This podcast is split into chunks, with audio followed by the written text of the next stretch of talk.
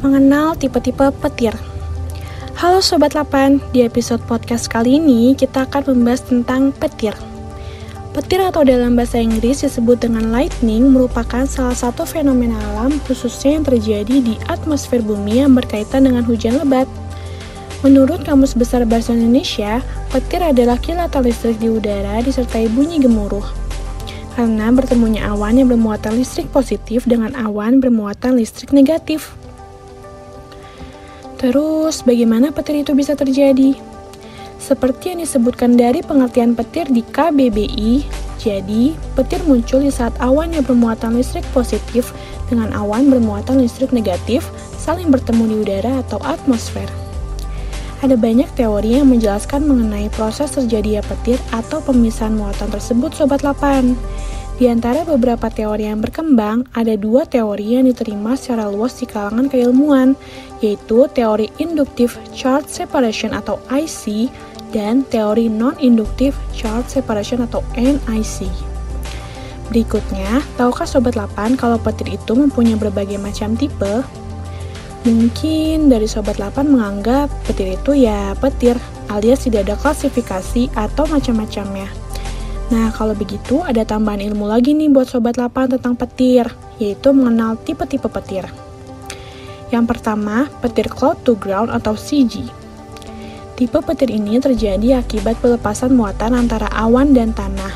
Pada pembuatan petir, pemisahan muatan akan menghasilkan medan listrik Medan listrik dapat berubah secara drastik karena berbagai alasan, terutama akibat dipol vertikal medan listrik selama badai atau akibat pemisahan muatan oleh gravitasi dan pergerakan vertikal angin.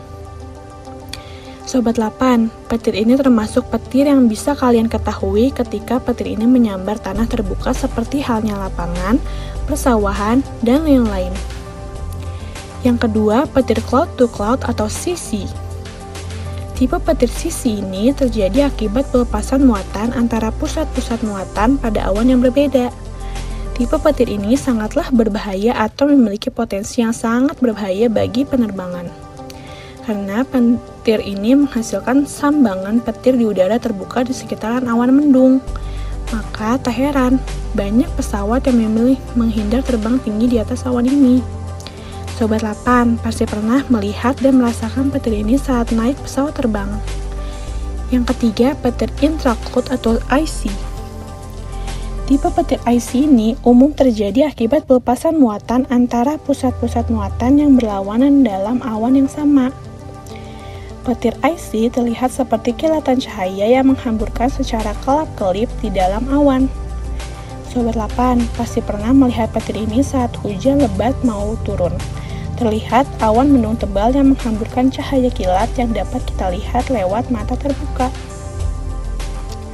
Yang keempat, petir cloud to air atau CA. Tipe petir CA ini terjadi dari awan ke udara yang terjadi ketika muatan positif dalam awan berinteraksi dengan udara yang bermuatan negatif.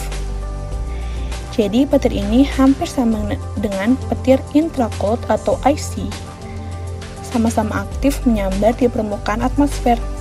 Tapi, tipe cloud to air atau CA terjadi antara awan dengan udara yang berbeda muatannya Sobat 8.